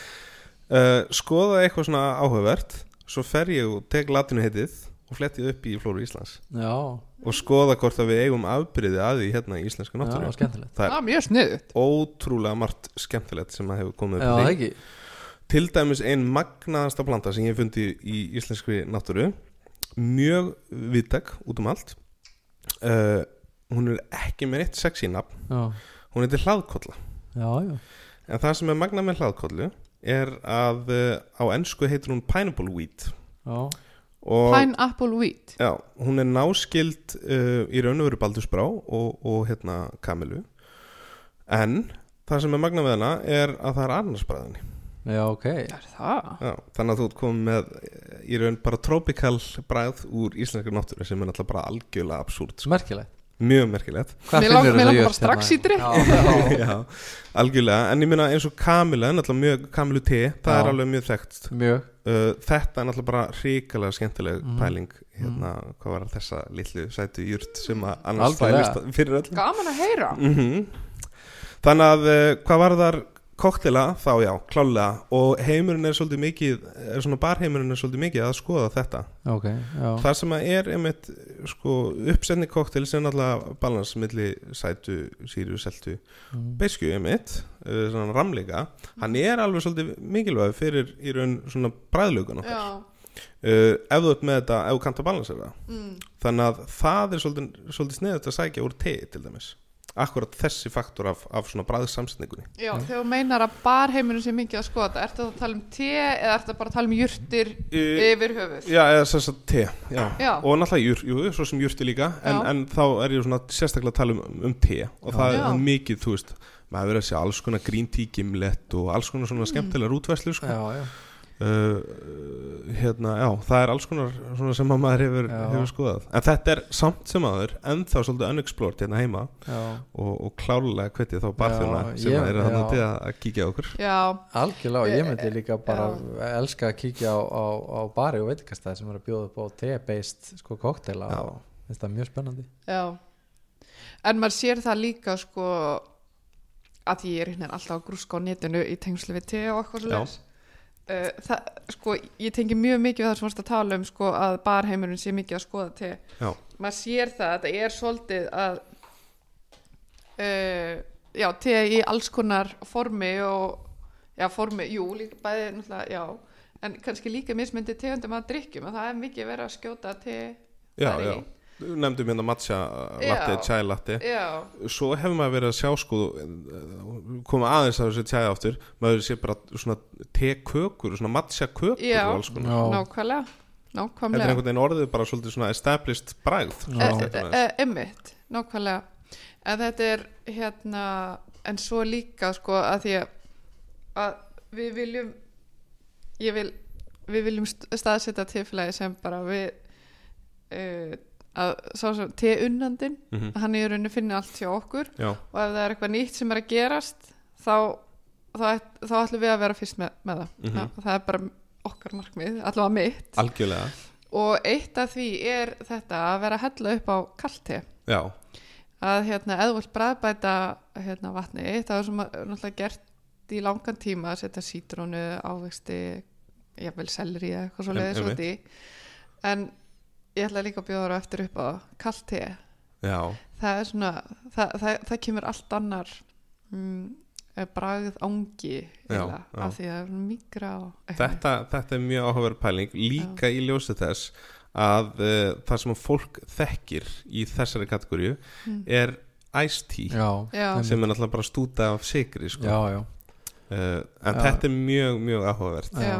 og það er bara þetta svona cold brew já, Já. já, hérna En- í teinu. Já, en íste ef maður hellið upp með hérna, með góðu te það, það getur bara verið bara megin holt. Já, það þarf ekki að vera með neinum sigri sko. nei, nákvæmlega. Ístegn minningarnar eru yfirleitt bara í kringum nestleflöskurnar og hérna sem leistist upp í vatni hérna. Sko þetta var það sem ég fekk alltaf út í sólalund já, já, ég, hérna, ég ólst upp í Nóri og þeir drekka voða mikið svona ístegum frá Nestle eða eitthvað svona sem Já, er alltaf bara þú veist, 50 sigumólar nákvæmlega. Hérna, þetta er mjög, mjög áhugavert og algjörlega eins og út frá þessar pælingu sem við tölum um varandi um, hérna varandi þennan markófi sem drekkur ekki og í raun og veru líka bara hvert sem er sko. Veist, hver nákvæmlega segir að þú þurfur endilega að drekka vatn með matniðinu kannski getur þú nákvæmlega. notað vatnið sem er annars bara Mhm. alltaf á borðinu Já. getur, þú tengt það einhvern veginn við matniðin þetta er, er skemmtilega bælingar sko. þetta er mjög skemmtilega pælingar. það hérna, fara með margar áttir. Sko við, við nefndum aðeins aðan að, að hérna, það er til alls konar svona T-serumunur og þess að þar og það er kannski svolítið ástæðan fyrir að fólk hræðist þetta að, að það er kannski einhver sem þurfur að fara í einhver köpl og, og einhver Já. kjólföld og, og eitthvað og vera með hérna sveifla ég sá eitthvað svona tyrknest sörf já, og svona sveifla. Já, ég fer endar alltaf í kjólfötur í hellubóti já, nákvæmlega uh, þetta er hérna, mér langar svona sko það er, það er hérna vinnum minn, uh, hann Símon var að opna uh, stað sem heitir Kaspa já, sem er hérna margurskustæður ok. Uh, hérna niður í bláhúsunum? já, já, ég fara ánga og hérna hann er með eitthvað svona skemmtilegt. Það var Já. gaman að, hérna, að tengja ykkur saman. Já. já, hygglust, Símon, þú ert að hlusta á það. Hei Simon hérna sko þetta fer nú svona fljótlega að, að, að uh, síga í sinni hlutan hjá okkur uh, á þessu geggja spjalli. Hérna tebókin, mm, við erum að koma aðeins inn á hana. Já. og svo já, ég veit að við ætlum að fara í sparkling tí líka. Það kemur. Hérna, segð mér aðeins frá tebókinni Andri, þú, það er ekki bara? Ég skal segja frá henni. Um, Það er eiginlega bara sama. Hún var skrifuð, hún er nú búin að vera til í fimm ár kannski og var skrifuð uppálega bara til að sapna saman þessari þekkingu og stuðla þessum markmiði sem við vorum með að kynna te fyrir fleirum og kynna fjölbreyttari leiðir til að te og kynna munin og grænu og hvítu og þetta er rauninni bara ágætis handbók og fínt lesefni fyrir þá sem vilja uh, læra meira og, og, og kynnast te og teplöntunni og mismundi ábyrðum af, af te. Já. uh, skrifuð af tefélagi að stopna uppálega bara af allri fjölskyldinu ég er, eh, við erum þrjú sískinin ég og Hlín og Alma sýsti mínar og svo erum mamma og pappi og svo eru við makar inn í, inn í, inn í því og það er Solrún og Guðberg maðurinnar Línar og Trefun kjærstinnar Ölmu um, og það sem er náttúrulega skemmtilegt við þetta að við erum með alls konar færni innan hópsins Já. og sumir eru góður í að marka sitt og aðrir eru góður í að skrifa og ennar eru góður í Excel Já, og já. þannig að við bara deilum tóldi verkefnum og, og Átn og Ingibjörg fenguðu það hlutverk og, og bara þeirra áhugi eh, sem kvekti það að skrifa bók. Og við fengum hana gefn út og seldist bara vel og erum að selja hann á vefnum og, og bara hvetjum þá sem hafa áhuga á, á te að, að, að tjekka því. Já, og þar er meiri sagans komin að þú byrjar á svona mismunandi te upp á hellingar aðferðum. Já, og Guðberg hérna hann er yðnhönnur og, og, og ástundum erindi til Kína er að framlega hjól og hjólagafla um, og þar þegar hann kemur í þessi stóru þessi, stóru versmiður og, og hérna, í þessi flottu fyrirtæki að þá er það fórstjórin sem hellir upp á teð og það er virðingar það er svona í virðingasteganum er sá sem hellir upp á teð það er, það er sko efsta, efsti, ok. Efsti gæin eða efsta konan. Þetta er ókvæmstlega skemmt þá situr hann á, við fundaborðið með tebakka og það er bara vatn út um allt og hann er að sulla sko, he hellir úr, úr ákveðinu hæð til að kæla vatnið og, og svo er, er bara svona bríka á tebakkanum og hún bara fyllist af vatni og tebóllar út um allt og svo semst, deilir hann út já, í upphafi fundarins og, og þá er fundur settur sko.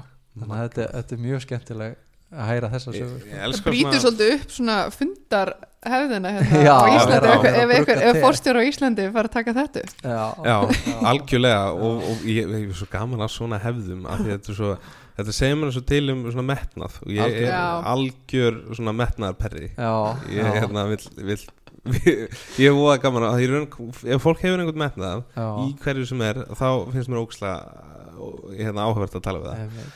Uh, eins mikið og, og ég nenni ekki að tala við metnaðalust fólk. Já, ég segi já, það líka. Já, en það skýn í gegn þegar fólk hefur áhuga líka á hlutunum. Já, það nákvæmlega hérna, og ég ætla líka að henda hérna inn uh, herramenn.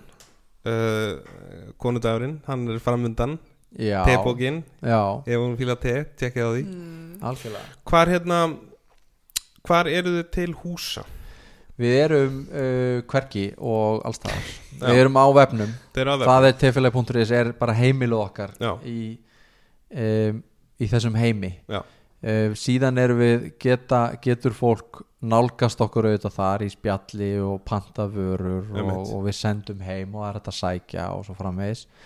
Um, við erum á veitingastöðum Mhm. uh, uppáhalds veitingastöðunum okkar að þá er bóðið upp á, á te frá tefélaginu um, og það er svona okkar viðvera. Uh, við höfum alltaf hugsað og það væri við erum með líka á kaffihúsum í Pennan Meimundsson er þetta að fá sér te frá okkur og, og við, við höfum alltaf svona hugsað hvort það veri gaman að opna búð og eða búa til testofu alltaf þegar við fyrir til kaupmannar þá heimsækjum við eh, hérna mjög skemmtilega testofu sem okkur finnst gaman að vera og við vitum að það er alveg fólk sem, sem, sem hefur áhuga á þessu þannig að við stundum hugsa um að vera með eitthvað svona pop-up event sem Já, er afternoon tea og, en, en bara hinga til að þá hefur við ekki farið út í þann kostnað að, að ráða starfsfólk og nei, nei. opna Já. búð og leia hús og þá náttúrulega breytist reksturinn aðeins líka og, og við, bara, við erum alltaf að gera þetta með annari vinnu og þannig að þetta er svona nice og easy eins og þetta er svona. Já. en segir mér hérna sko, nú er það vaksandi áhugi á þessu. Uh,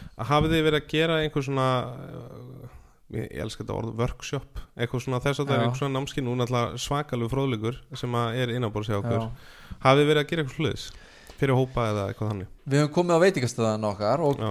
gert þetta fyrir starfsfólk og uh, hérna kentum að hellu upp og sagt aðeins frá teifélaginu uh, Við höfum verið með á matarmarkaðanum uh, sem uh, hérna, er nýja hlítisörum með, höfum við oft verið með te og svona tenámskeið og einhver slíkt. Já, um, en við, við Svo er náttúrulega líka omnóm Omnóm, hérna við höfum verið að gera paranir með omnóm já, uh, Óbúslega skemmtilegt líka Te og súkulaði saman mjög ég, ég elska þetta Það er einmitt á það er fínt að rosa nó- já, skemmtilegt fínt að nota tækifæri Það er á dagskóra í mars að þá er verið að para Já. te og súkulaði hjá Omnum hvað er Já. þetta og það fer held í sölu bara fljótlega semst það Já, nefnilega hjá omnóm starfar hann Kæl já, sem að, þú veist, ef þú vilt tala um metnaðafyllt fólk Já. við minn góður, hann er geggjaður sko. Já. hann er hérna líka á hafsjór fróðleiks af um te. Já, og hann hellir þar upp á te í pörun með hérna súkulæði og hann veit svo mikið um te og hann tala svo mikið um te þegar hann gerir það, það er dásamlegt. Og þau búið til ölgrei súkulaði sem er já, Mjög okkur. Já. ok. Úr súkulæði, nei úr te frá okkur bætið út í en ef það, eru, ef það eru hópar og við höfum ekki bóðið þetta Já. sem vöru svona námskeið en ef það er fólk sem er áhuga samt þá bara endilega hafa samband og við Já. erum til í að tala um Þe- te þe- sko, hvenna sem er eh, Já. þe- já, þe- þetta er, er, er mjög gott að hérna, og sérst að íta við okkur? Jú, þetta er allt sko að opna testofu, gera það einmitt Mhm. vera, veist, við höfum oft rætt þetta okkur á milli við, við erum með hérna uh, samstæðsæðilega huga þar sem við getum mögulega fengið að fá að fara inn og einmitt gera svona, Já, gera já. testofu eða serumóni eða hvað sem Mhm. það væri sko uh, en við bara einhvern veginn, eins og hann segir við, það er allir með aðra vinnu og eitthvað þú veist Já. að þá er einhvern veginn auðvelt að íta því undan sér. Já, en, en ég finna samt ég finna samt sem áður hjá sjálfur mér já, að ég, ég hérna það, það fyrir okkur stýttist ég að ég fara að dempa mér út Þannig að ef við núna kvöldum eftir svona smá uh, demand frá, frá Já. marknum og þeir sem er að hlusta og vilja læra eitthvað meira um te algjörlega. fá það bara frá fyrstu hendi. Þið náttúrulega vitið, ég er bara hafsjóra fróðleik eftir þetta. Já, við bara Það er gaman. Það er tala um gaman. Já, uh, í heiklust og, og það væri bara mjög sniðut ég var ekki viss um hvort ég ætlaði að henda þessu inn. Já, Jú, auðvitað og þetta allt flakka við okkur. Já, uh, en hérna væri svo gaman einmitt að því að sko að, að nefna hérna síðast þátt af, af hérna Karfli með henni Dominík já, Að þá- frábært þáttur. og hún er hérna með, með hérna vínskólan og er að taka á móti með svona hópum. Já, uh, það fyrirkomulega er ókslega sniðugt sko. þú veist, þeir að skapast eitthvað svona eða fólk se- minna, fjölskyldur eru mjög oft að leita sér að einhverju að gera saman. Já, safna bara í hóp og, Mm. og, og, hérna, og henda sér á, á hægt að gera nákvæmlega sama í, í teði sko. algjörlega. Og þetta er oft Sko- mjög skemmtilegt skemmtileg stemming sem skapast í kringum þetta Já. og að því hún nefnir sko uh, tengslum við fjölskyldur. Mm dóttir okkar þryggjárum, hún drekka te sko, sem var tveggja held ég. Kannski fyrr, þetta verið fyrr sko. þannig nákvæmlega. að þú veist þetta koffin í, í te er ekki það mikið að hérna, það sé að örfana ekkur viti sko. Nei, nei, nei, nei, nákvæmlega Herðu, þá erum við komin að uh, hérna næst síðasta lið í þessu viðtalegi það er Sparkling Tea. Já, Þetta Já. þurfum við aðeins að krifja algjörlega. Sko, þetta er náttúrulega í raun og veru bara staðgengill kampavins, við getum bara að orða það þannig. Já, er það ekki bara? Jú, ég Já. myndi, ég ætla, hér með uh, mun Eigum að- ég allavega eða promóta helli nokkuð þetta. glös? Við skulum opna eina flösku. Já, mm, hvað er hún? Opnum þessa hérna. Ok, þetta er bleika flaskan ok. Hanna, brá nokkuð. Ja, nákvæmlega. Sko, hver vill ekki fá svona hljóð líka þegar á að skála? Og þetta er náttúrulega þetta sem við erum að drekka núna er er óáfengt þannig að þannig að það er gaman að fá fá hérna fá, fá hljóðið líka. Og Algjörlega. flaskan er náttúrulega þetta er, þetta er kampæns freyðins flöskur Já. þannig að það er það færa alla stemmingun í æð. Þetta er snilt. Herru, nú er ég uh, mjög spenntur. Við erum byrjuð hérna með uh, Sparkling Tea Blóa Hvað erum við að tala um hérna? Bláa flaska frá Sparkling Tea. Uh, Hvað? 13 mismöðandi tegundir af lífrænu te Þetta er snilt. Þetta er lífrænt drikkur og hérna, án viðbæs sigurs Já, og það sem, það sem ég finnst allavega skemmtilegt í þessu er að, að þetta er í, í flösku, þetta er í kampæðisflösku Mhm. þetta er með tappanum, þetta er með stemmingunni þetta er með þrýstingnum og kólsýrunni og, og bara lítur út í glasinu eins og eins og kampæn nákvæmlega. Við, þetta er borið fram í kampænsglösum og líka bara í venjulegum vinglösum uh, mér finnst þetta uh, bara góður drikkur Já, þetta er bara algjörlega framhúsgarandi og eins líka þess að þetta fanga nákvæmlega sama og það er búið að leggja metnað í, í, hérna, í kolsýruna. Já, uh, hún er lifandi. Þetta er gott bragð. Já, þetta er ekki eitthvað svona sætu uh, útsprengt sigur dæmi. Uh, þetta er bara hreinlega staðgengil já, og, og það er gaman að heyra líka þig lýsa þessu vegna að þú þetta þekkir þetta þekkir þetta vel. Og það sem við höfum oft erum við farið með þetta á veitingásu þá har oft verið talað um sko freyðandan í, í glasinu. Að freyðingin sé góð. Já, Já, sem, að, sem er eitthvað eitthva orð sem ég bara alveg vissi hreinlega ekki að vera til að það væri góð freyðing eitthvað mér finnst rosa gaman að heyra það það er alveg það er alltaf eiginlega bara svona sér pæling sko. Já, já, Já. er það ekki? Jú. já, það, það er eitthvað mjög flóki ferli sko. við vorum hérna er ekki, er ekki freyðingin andir sett á einhverjum þremur skrefum Jú, með mismundi hitastegum að lækka niður og kólsýran sett í, í flöskuna Já, þannig að það er alveg svona ákveðin pæling á bakvið þetta Já, Já. algjörlega þetta er, sko, sparklingtíð þetta er, þetta er mikil gæða vara rosalega vönduð og hérna og mér finnst ég finna það þegar ég smakka þetta og svo eins og við töluðum um áðan Já. að hérna með te að það, það eru, maður finnur stundum mun og mér finnst ég ekki endilega vera með nákvæmlega sama bræð og fengum í fyrstu pal- palettinni Nei.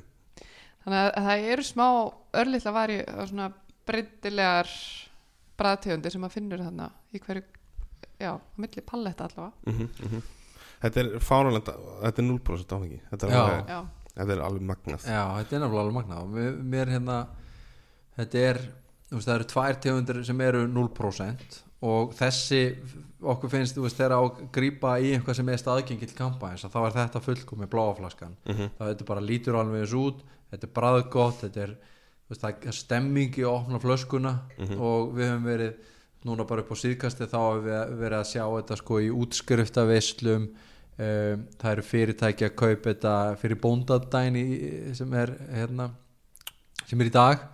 Eh, það er, í gær var þetta eh, við opnun í, á listasamni Reykjavíkur það sem var svona stór viðburða sem að vera eh, hún shopplifter var að opna sýninguna sína og þá var semst ófengu optionin var uh, sparkling tíblár já, og þannig að þetta er bara stemming og skemmtilegt og, og og þetta er bara einhvern veginn að fá hérna, eins og ég var að minnast á þann að fá bara drikkin sinn í svona fallegu glasi já, já.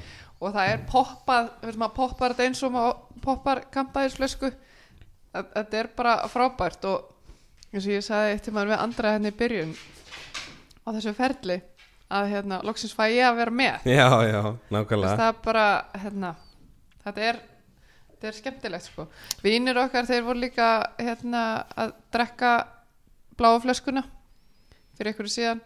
Þau voru bara með hana með drikkin í svona glasi, rauðvinsglasi settu klaka. Já, og það er líka skemmtilegt. Uh Vist, að, það, þetta, er- þetta fer fallega í kampaðisglasi en líka bara í svona látlausari stemningu þið, viti það verið spennandi líka ófenga koktela híklust og ég, veist, ég, það er með það sem ég var að ég fór aðeins svona inn í hausina með núna Já. verandi barþjóðn að bara Já. þetta býður upp á svo gríðarlega möguleika Já, gaman að heyra Já, En hérna, það er náttúrulega svolítið svona ykk, ykkur í hag líka að, að hérna Rósi er, er farið að vera mjög Já. vinsælt. já. Þá eru þeir, þá bjökuðu til, til bleikuflöskuna. Já, og það er litin, liturinn í bleikuflöskunni kemur úr hibiskusblóminu. Ok. Um, og eins og sér þá nú, nú er þetta hell í glasi og það er, það er svona þessi rauði rósæ litur. Já, og þetta er bara fullkomið. Sko, sko þegar ég smakkaði fyrst bleikuflöskuna þá var ég bara hreinlega hrætt við þetta sko. já, en, en, en þetta er svona þetta er, ég veit ekki heldur íslensku orðið fyrir þetta. Acquired taste. Já, ég held samt sem að, að þú sko fólk sem er matarfólk, það fílar þetta bara í fyrsta sopa. Mm en það tók mig svona fjóra sopa að fíla þetta. Mhm. en fyrir mér er þessi bleikaflaska bara einhver albesti drikkur sem að ég veit um. Já, og einmitt drakk hana á jólum og áramótum með mínum hátíðar kvöldverði. Samkvæmt að þú veist, ég var með fisk á eða við meðal annars með fisk á hérna, gamlaskvöld lamb á hérna gam, nei á uh, jól, jólunum. Og mér fannst þetta geðveikt. Ég bara einhvern veginn þessi, þessi bleika flaska hún einhvern veginn liftir matnum einhvern veginn upp.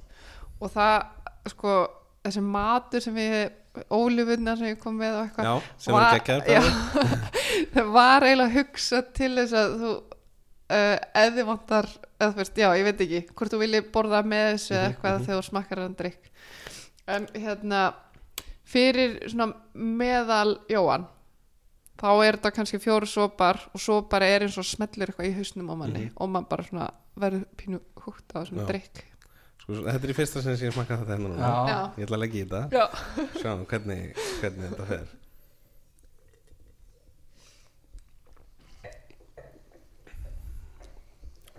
uh, Það eru smá svona uh, smá kampari áhrif mm. En nú má fólk ekki halda að þetta sé beist Nei. en það sem ég er að segja er að þessi litur hann lígur oft. Já. vegna svo tengir hann við eitthvað eitthvað sælt eitthvað rosalega sætt. Hérna erum við ekki að vinna með það. Við erum í raun að vinna með bröð sem að eru uh, tölvöld öðruvísi. Uh, þetta er í raun meiri bara svona, það er ákveðin síra þarna. Uh, og svo finnst mér vera svolítið svona uh, góð grunnur af, af hérna þessu umami bræði Já, af einhverjum farunum ástæðum já, Já. Sko þeir segja sjálfur að þessi þurrast á flaskan þeirra mm sem hún klárlega er. En ég held að mér þykja hún svona góð af því hún er svona þurr. Já, og það var upp, uppalega þið tala um það bæði Jakob og Bó sem eru eh, hérna, eigendur og búa til sparkling tí að tilgangur með þessari flösku var að búa til þurrt mm sparkling já, uh, freðandi drikk sem er uh, góður með okkur finnst það góður með öllu mat en það nátti sérstaklega búið til drikk sem er góður með sjáfangi og sushi og, og slíkt. já, ég hef bara komið bent í, í hérna, einmitt það sem þú nefna. Sjáfang, sushi, Já. sjávarta súpur eitthvað svo þar, Jóhann, Marel þú þetta. þannig að við myndum, þú veist, bláa flaskan er frábær í, í fordrykk og til að skála og vera með og, og svo bleika flaskan þeirra að, að, að para með mat og Mhm. eitthvað slíkt þetta er klálega eins og nefnir drikkur sem að þú, þú kannski svona ferð ekkert í þú verður ekkert ástfóngin af honum við fyrsta sopa. En þetta er svolítið bara eins og lög sem að verða vinsæl að það tekur því smá tíma að, að venjast þeim og svo farið þau bara heilan já, þetta er bara já, svolítið snið vinnlíkinga. Og við það, opnum oft það er nákvæmlega þannig sko. Ég er með hann að drikka á heila já, og við opnum oft sparklingflöskur með bara þú veist, m- kvöldmatnum og þetta er, þetta er gaman. Og þetta er líka gaman þú veist að staðan fyrir að södra á rauðvínu á kvöldinu þá er alveg, það er gaman að opna eina svona bleika og, Mhm. og, og, þetta er huggulegt. og hella sér í glas. Já, þetta er mjög huggulegt og þetta er stemning. Já og framsetningi segir líka svo, svona svolítið trít þú átt að einhvern veginn skilja já. svolítið. og þetta er svona, svolítið svona rewarding. Já, en svo líka þú veist, eins og ég kom aðeins inn á áðan af því ég hef líka verið svolítið í djúspörunum já, með mat. Þa, ég tengi svolítið þennan drikk við eitthvað sem er í drikkjunum þar. Já, ég veit ekki hvort þessi kombucha feelingur það ein, einhver svoleiðis eitthvað. Uh, þegar, þegar ég spurði það hvernig þetta hvernig drikkur þetta sé þá segir mér kannski að sé þurr já, með hint af kombucha það er alveg, ég skilja alveg pælinguna á baku Já. það sko. En allavega mér, mér, svona, það, það allavega þegar ég fór aðeins að átta mig betur á þessum drikk þá fór ég allavega að tengja mikið við þessar djúsparanir já, algjörlega. Þetta, já, ég bara uh, þetta er í raun bara byrjun á þessu ferðalagi. Já, algjörlega og það er bara hvet ykkur til að, að smakka þetta oftar og í, og í samhengi með mat og svona, Já. þetta er skemmtilegt og það er, það er hérna uh, hugmyndin að þessu okkar tenging hann er teð við, okkur, við sáum hann þetta eitthvað fannst hann hrikalega skemmtilegur og það að hans í óafengur er, er passar fullkomlega inn í inn í okkar pælingar um, um og líka þessi low-no-markaður sem Já, þú nef, nefndir og þið nefndu í viðtalinu ykkar spjalli er náttúrulega bara stækka og stækka og, og framleiðendur á Sparkling 10 að þeir hafa metnað í að, að vera framalega og búa til gæða drikk sem er svona að keppa við á bestu í þessum low mm heimi já, og verið að bjóða upp á þetta á mikið af flottum veitingahúsum og börum út um allan heim já þetta er, þetta er snilt og, og hérna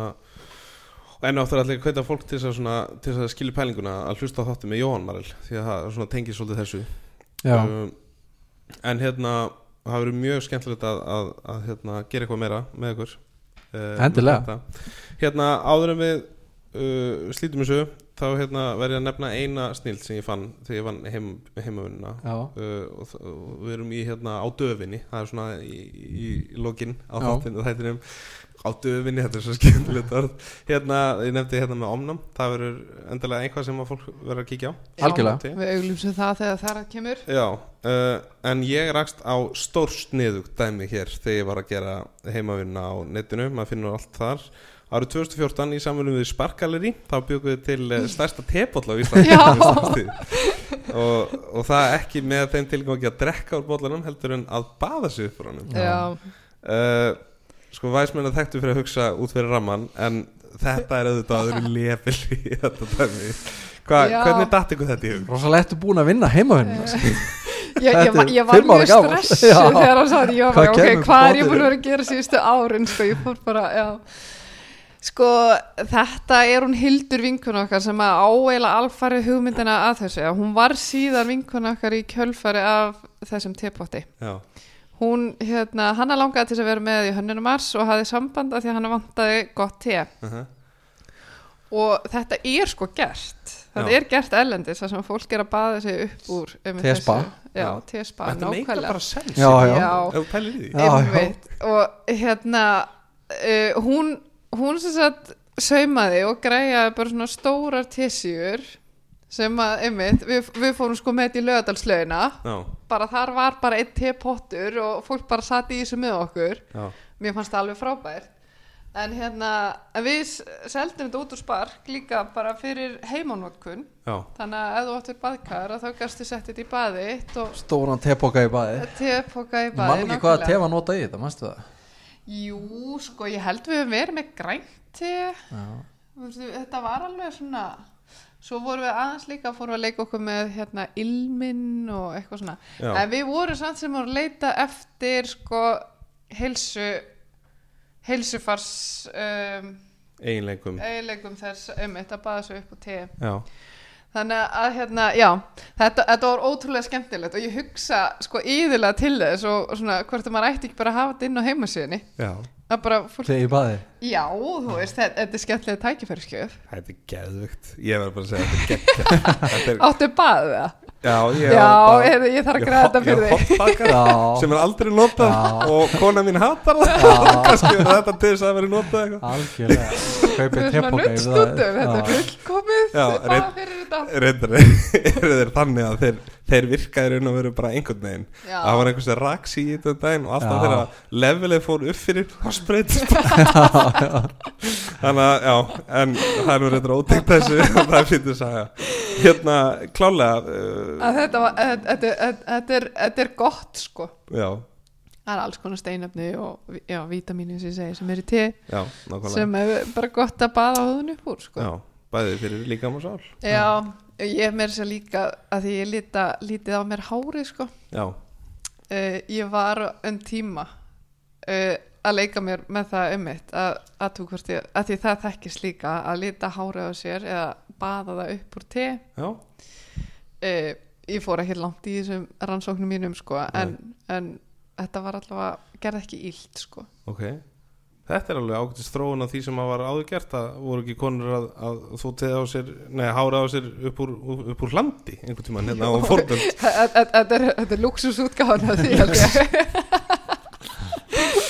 Við viljum ekki láta þetta vera síðasta orðið í þessu þætti en hérna uh, við náttúrulega hvetjum fólk til þess að kíkja á okkur Þið eruð á, á samfélagsmiðlum og leis Já, Við erum með Instagram, við Já. erum á Facebook og kveitum allir til að taka þátt og þeir sem á áhuga á, á að kaupa af okkur eða eru með tilugur að tegja mánaðarins í, í einhverja mánuði fram í tíman og bara endilega að heyra og ef, ef, ef þið eru alltaf langur til að smakka eitthvað þá eru við alltaf til í að flytja inn og, og, og leifa öðrum að smakka með.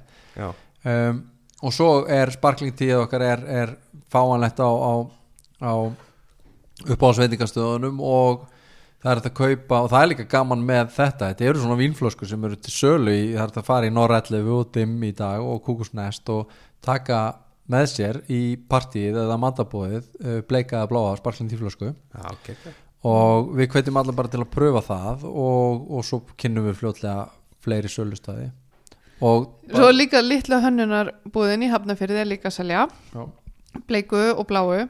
Já, uh, uh, Hvað ætla ég eftir að segja? Já, og svo, já nýjungar, þú veist, já. Uh, ég, Nei, nei, ekki neitt. En ég bara en og, takk kærlega fyrir að sína fyrir, þessum heimi já. áhuga. Já. Það er ótrúlega og- gaman og ég að hlakka til að- spjalla við þig, sko. Og ég hlakka til að fylgjast með, með eh, áframhaldandi rannsókn ykkar á, á óafengum valkostum í, í, í heimi Sko, fljótandi ef vega. þið vitið eitthvað meira heldur en ég um þann heim Já, þá væri ég, fyrst, ef, það væri til, er, ef það eru til fleiri hérna, óafengi drikkir einmitt, ekki fullir á sigri og svona þá og langar mig mikið til þess að vita að því sko. þú verður fyrsta mannskið sem ringir Já, takk fyrir. Hérna algjör snild að fá að spjalla ykkur Solrún og Andri nafni frá tilfélaginu Takk kærlega fyrir komuna í Happy Hour. Takk fyrir okkur. Takk fyrir Og það er að við það, kæru hlustundur, um að gera kíkja á tefiljaði.is ef þið viljið fræðast enn meira um te og heiklust lesa ykkur til um eh, sparkling tea án ef að ekki í síðasta skipti sem væsmenn mun eh, fjalla um þann tiltekna drikk. Væsmenn minnir á að eh, umfjöllun úr þessum þætti byrtist einnig inn á væsmenn.is þar sem eh, að auki er hægt að lesa meira um aðra þætti í Happy Hour og eh, fræðast um alltaf nýjast og helsta um veigar í fljótandi formi endilega fylgið væsmenn á bæði Instagram og Facebook þar sem hægt er að skyggjast á bakvið tjöldin og nefni einnig bóndadags eh, leikin í því sammenningi endilega tjekkið á því og skráðir ykkur til leiks. Nú þáttunum verður ekki lengri eða sinni. Munið orð væsmenn, drekkum ekki til að gleyma sínum sjálfum okkur og öðrum virðingu og drekkum frekar til að njóta. Næsti þáttur í loftið á 5. klukkan eh, 11.30 og er eh, það þáttur sem bjórunundur geta beðið spenntir eftir, segi ekki meir um það. Þá kom þetta næst, Wiseman out.